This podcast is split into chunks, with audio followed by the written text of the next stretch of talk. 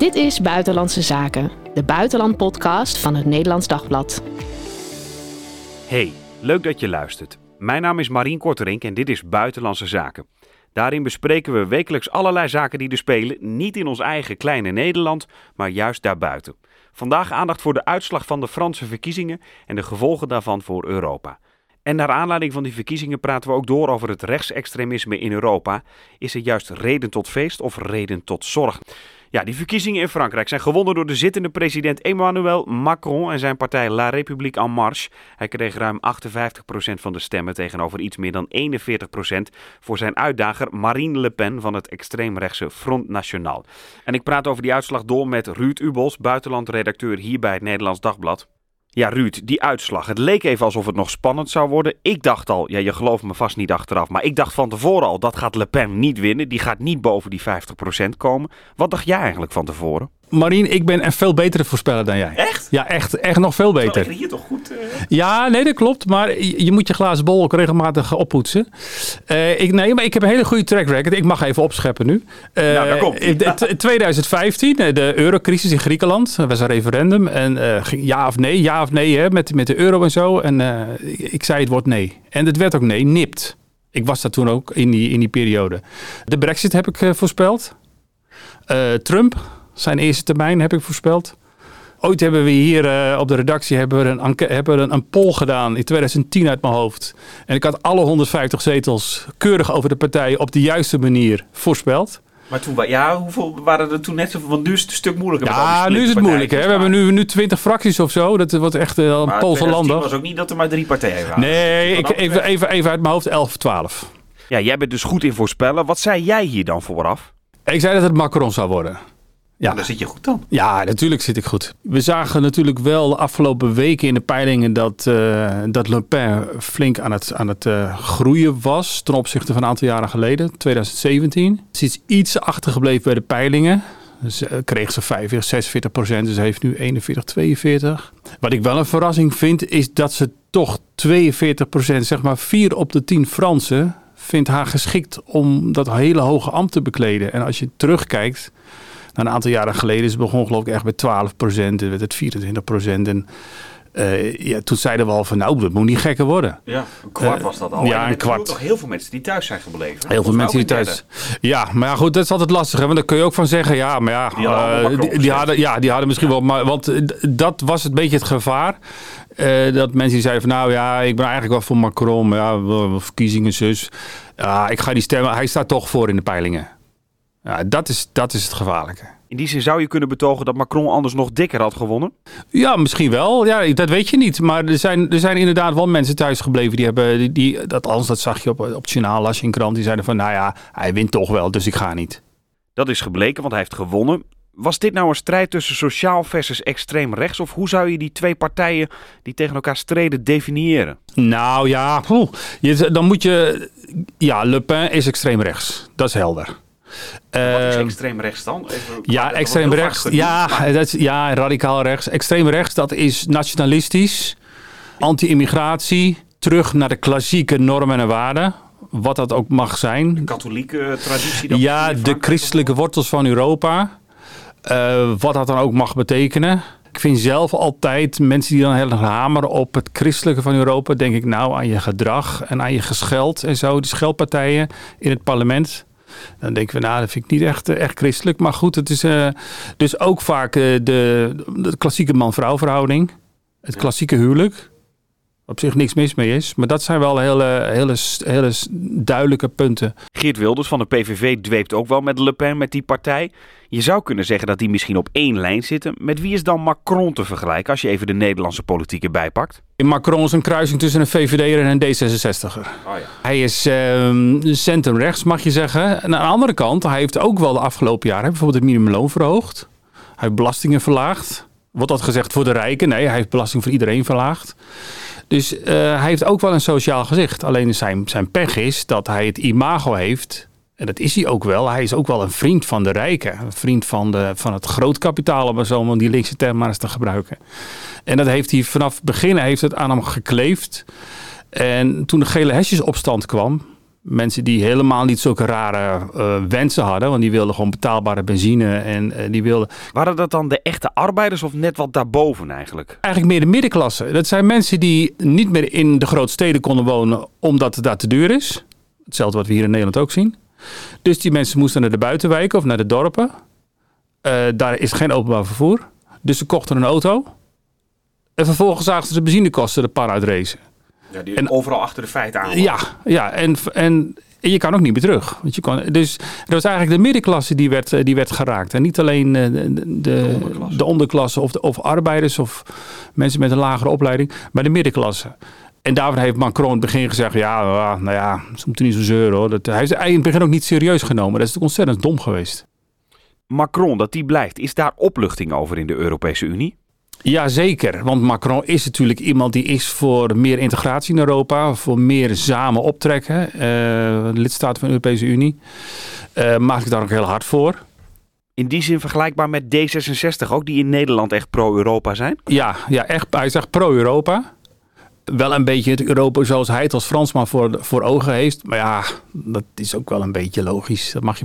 Maar veel minder dan, dan zijn voorgangers. Hij heeft echt wel meer Europeaan. Ja, en Le Pen die eh, heeft altijd geroepen... ja, voor mij hoeft het allemaal niet zo. In het verleden riep ze, ik wil uit de Europese Unie. Later heeft ze gezegd, als ik ooit president word, dan moet daar een referendum over komen. Nu laatste tijd riep ze van, ja, nou ja, ik weet het eigenlijk niet, maar het is wel helder. Ze wil in ieder geval niet die integratie die we nu hebben, die wil ze niet meer in die mate. En ze wil meer afstand. Is dus ook iemand die zegt van ik, ik zie, ik zie die, die anti-Poetin-lijn in Europa, die zie ik ook helemaal niet zo zitten. Dus mocht zij gewonnen hebben, dan, uh, dan zou dat ook voor Poetin een heel fijne bijkomstigheid zijn geweest. Ja, zo bezien ziet de Europese Unie dit dus als goed nieuws, denk ik, hè? Ja, ja als, je, als, je, als je voor meer Europese integratie en samenwerking bent, en voor rust misschien ook gewoon. En voor, ja, voor rust, dan is dit, is dit een goede ontwikkeling. Nou moet je toch Le Pen ook wel credits geven. Jij schrijft deze week ook, ze is best wel succesvol. Enorm gestegen weer ten overstaan van vijf jaar geleden. Is er dan reden tot feest voor de pro-Europese mensen of ook juist reden tot zorg? Meer dan 40% stemt extreem rechts. Ja, 4 op de 10, dat is, heel, dat is eigenlijk heel veel. En je kunt, uh, nou wat ik kenmerkend vond, dat op, die, op de verkiezingsavond uh, in, in, de, zaal waar ze, waar ze waren, hè, waar de, partijbijeenkomst was van, uh, van Le Pen, gingen al vrij snel nadat de verkiezingsuitslag bekend was geworden, of die exit poll, hè, daar, daar bleek ze heeft verloren. En al vrij snel werd er geapplaudiseerd en gingen de kurken van de champagneflessen. Omdat ze zelf ook wel na de eerste verdriet uh, hadden ze iets van, nou ja, oké, we zijn, Le Pen wordt niet de president, maar ze heeft toch maar wel vier van de tien Fransen achter zich. Veel meer dan in het verleden. En er komen nog uh, parlementsverkiezingen aan in juni in Frankrijk. Misschien dat we daar onze slag kunnen slaan. Dan kan je het Macron moeilijk maken als je daar gewoon heel veel zetels haalt. Ja, dan kan je het Macron moeilijk maken als president. Die, kan dan, die moet dan voor, voor alles wat hij wil doen, moet hij toestemming vragen aan, aan het parlement. Weet je, zoals de coalitie hier in Nederland die geen meerderheid heeft in de Tweede Kamer. Ja, of wat je natuurlijk heel vaak ziet in Amerika, dat je hebt een, een president maar die krijgt de volksvertegenwoordiging niet achter zich. Ja, dan ben je eigenlijk een vleugellam. Dat, dat, dat kan heel lastig worden voor, uh, voor Macron. En het kan dus betekenen dat hij voor alles en nog wat telkens in overleg moet en met zijn tegenstanders in gesprek moet. En dat heeft hij de afgelopen jaren eigenlijk nooit, nooit, dat is nooit aan de orde geweest. Dus eh, ik snap heel goed uh, dat Le Pen blij is. Kijk, ze heeft de verkiezingen verloren, maar ze heeft wel succes geboekt. Macron stopt over vier jaar, want je mag twee termijnen zitten en dan zijn er misschien kansen voor haar. Zij kan zeggen, kijk maar, ik stijg alleen maar. En zij kan nog weer eens een keer vijf jaar lang uh, een nieuwe strategie uitzetten, zoals de afgelopen jaren ook heeft gedaan. En die heeft er kennelijk uh, heeft vruchten afgeworpen. Macron, die moet straks weg. En dan is het maar de vraag, wie, wie volgt hem op? Wie is dan de nieuwe man, vrouw die het tegen Le Pen kan opnemen? Want misschien moet je het zo gezien. Er moet straks iemand komen die neemt het tegen Le Pen op. In het verleden zei we altijd, Le Pen gaat het tegen iemand opnemen. Nu is het zo, iemand moet het tegen Le Pen gaan opnemen. Zij is er al en zij heeft straks misschien wel een straatlengte voorsprong qua kennis, debatvaardigheden, et cetera. Bekendheid. Bekendheid voor de nieuwe ster die moet gaan verschijnen aan het firmament. Dus ja. is heel duidelijk, ja. Dat gaan we over vijf jaar zien. Ik wil het ook nog graag met je hebben over extreemrechts in Europa. Want we hebben de afgelopen jaren veel gelezen en gezien ook over de angst die er is voor extreemrechts. Dat dat groter wordt en groeit.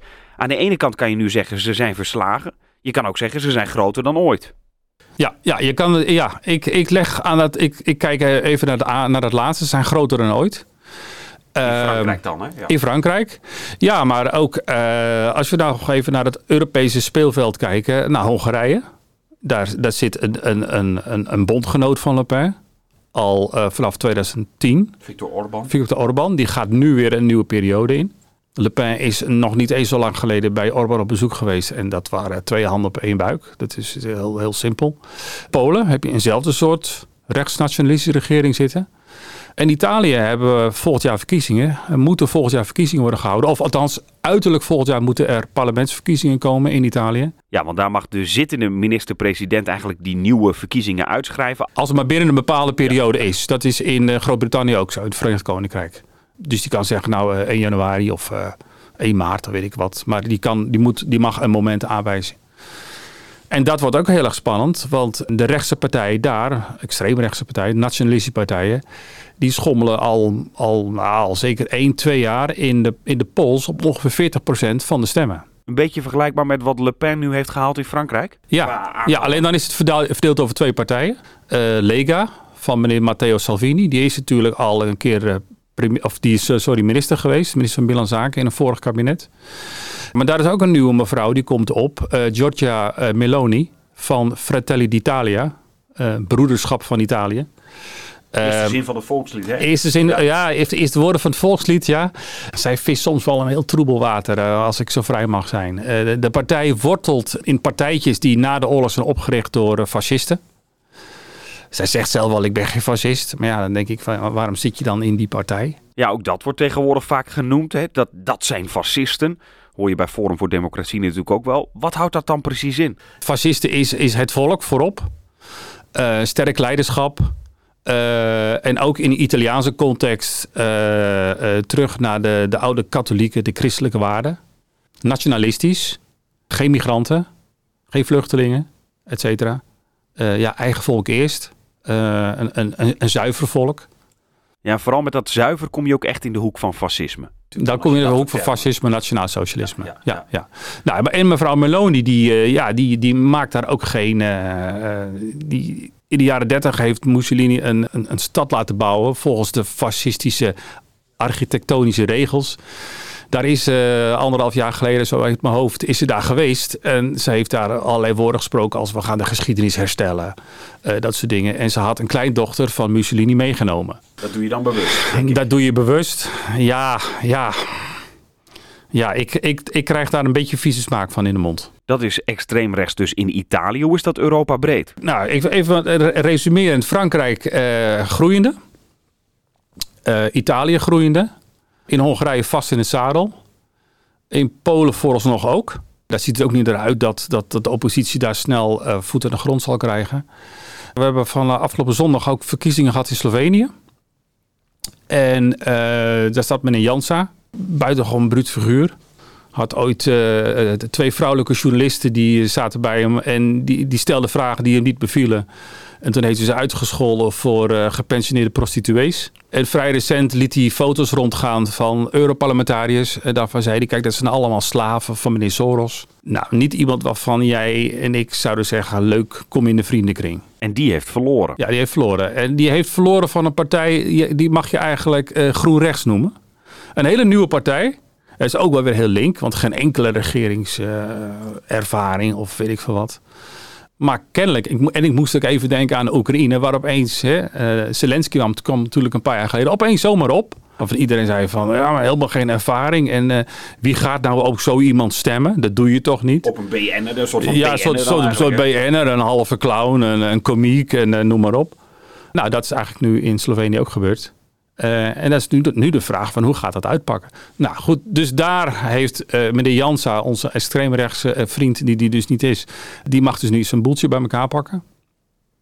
Dus het is, het is wel een heel wisselend beeld. Maar je kunt niet zeggen dat extreemrechts nou een marginale stroming is in Europa. Integendeel. En hoe zit dat dan bijvoorbeeld in Duitsland, Spanje, Portugal? Speelt dat daar ook nog?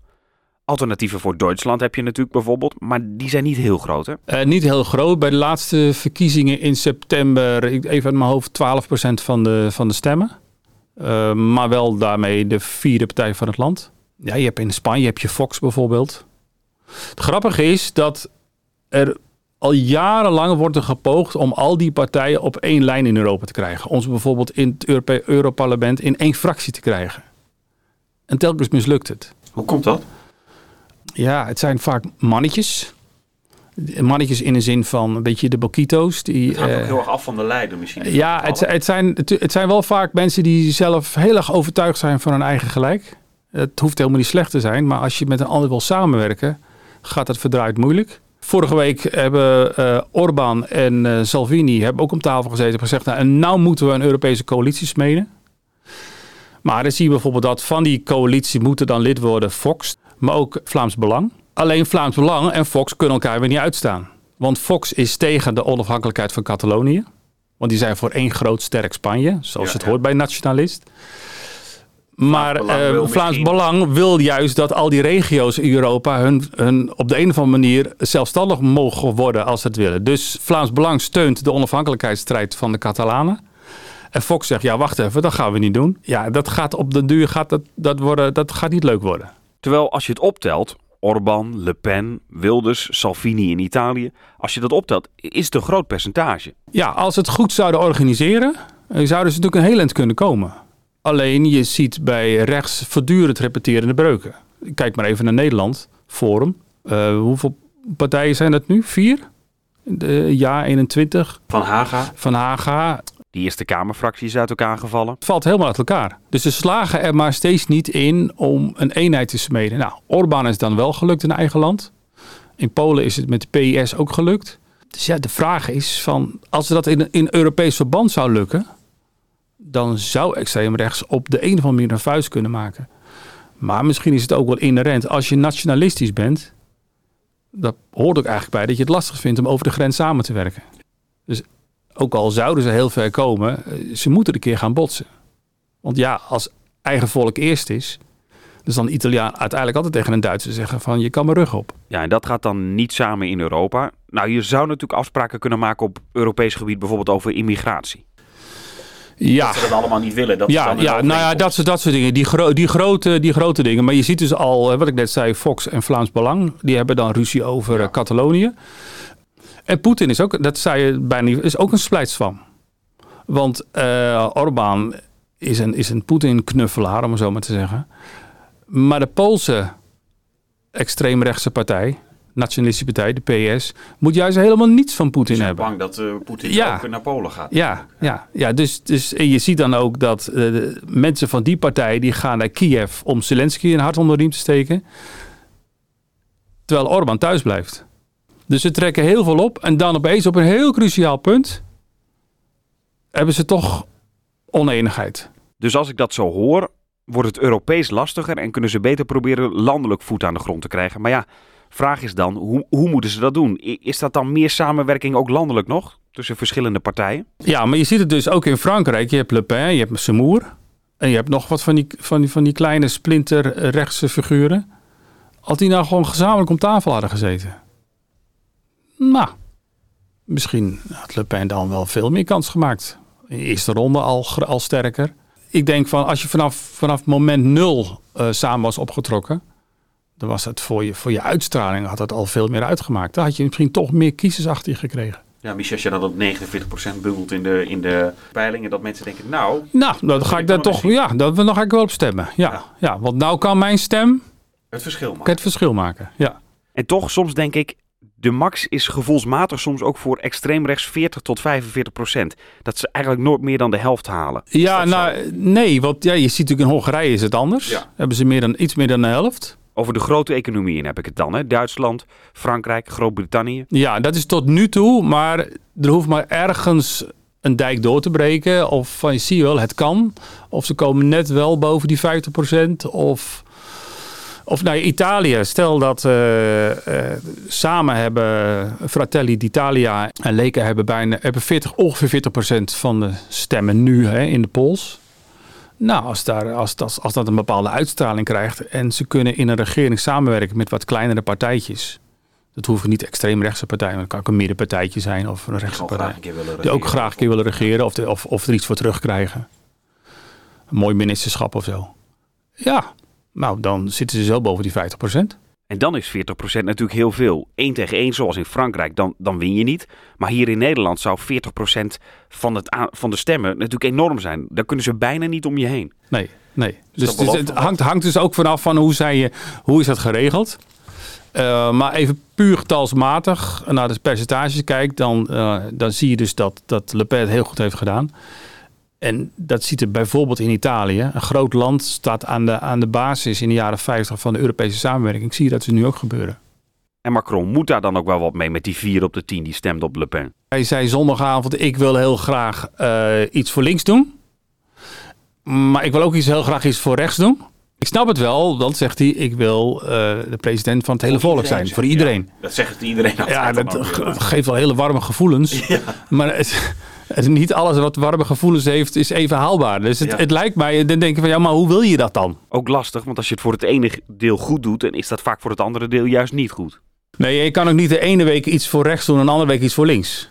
Dus alhoewel, je zou, hij zou zich natuurlijk wel kunnen... Kijk, de, de, grote klacht bij links en bij rechts is... is dat de, de sociale verschillen in Frankrijk toenemen. En dat de, de kleine man, of zo te zeggen, of de middenklasse altijd de pineut is. Nou, als hij daar iets voor doet dan doet hij iets voor links en voor rechts. Want dat is wel voor beide richtingen een, een essentieel punt. Maar als ik jou goed begrijp, is rechtsextremisme zeker nog niet verdwenen. Dus nog steeds reden tot zorg, zouden sommigen zeggen. Anderen zouden zeggen, ja, we zijn nog niet verslagen. Is net vanuit welk perspectief je kijkt. Is het nou een grotere bron van zorg dan eerder of is er reden tot optimisme? Als je het aan mij vraagt, zou ik zeggen een grotere bron van zorg. Want ik ben geen liefhebber van extreem rechts. Uh, zou je niet verbazen. Uh, dus ik, uh, ik, ik, ik ben wel bezorgd. Ondanks dat Macron heeft gewonnen. Ik ben ook helemaal geen Macron-aanhanger of zo. Ehm, maar ik zie, misschien is het ook mijn aard van het beestje hoor. Maar ik zie meer zwarte wolken dan zonnestraaltjes. Ja, dat is de grote vraag of dat karakter is of... Wat denk je zelf? Uh, nou, het zal vast met mijn karakter te maken hebben. Maar nee, ja, kijk, ik kan niet voorspellen. Maar als ik de ontwikkelingen zie dan, dan uh, je kijkt gewoon eens even terug op de afgelopen tien jaar of zo. Pak even dit afgelopen tien jaar. Nee, laten we zeggen sinds, sinds Fortuin. Dan zie je dat extreem rechts voet aan de grond heeft gekregen in Europa. Anders dan... Kijk, vroeger hadden we bijvoorbeeld in Nederland hadden we Jan Maat. Nou, daar moest iedereen een beetje om lachen. En als hij, als hij ging spreken, dan liep ook iedereen weg in de Tweede Kamer. Um, we hebben in, in Duitsland na de oorlog heb je een paar uh, kleine nationaal-socialistische partijtjes gehad. En die werden gewoon verboden. En die, daar hoorden we ook nooit meer iets van. Nee, die gingen natuurlijk ondergronds. dat was, maar dat was, die speelde geen rol van betekenis. En nu heb je gewoon de AFD, die op lokaal niveau zeker her en der een rol van betekenis speelt. Uh, en, en bij de AFD zit gewoon iemand, een, een partijleider uh, in het verleden, die zei van... nou, ik vind eigenlijk dat die jongens van de Weermacht eigenlijk ook wel heel veel respect verdienen waarop Geert Wilde zei... Ja, dat, met die man daar kun je wel goed mee samenwerken. Dus met andere woorden, eh, degene die, uh, die Rotterdam hebben gebombardeerd... en ons land jaar hebben bezet...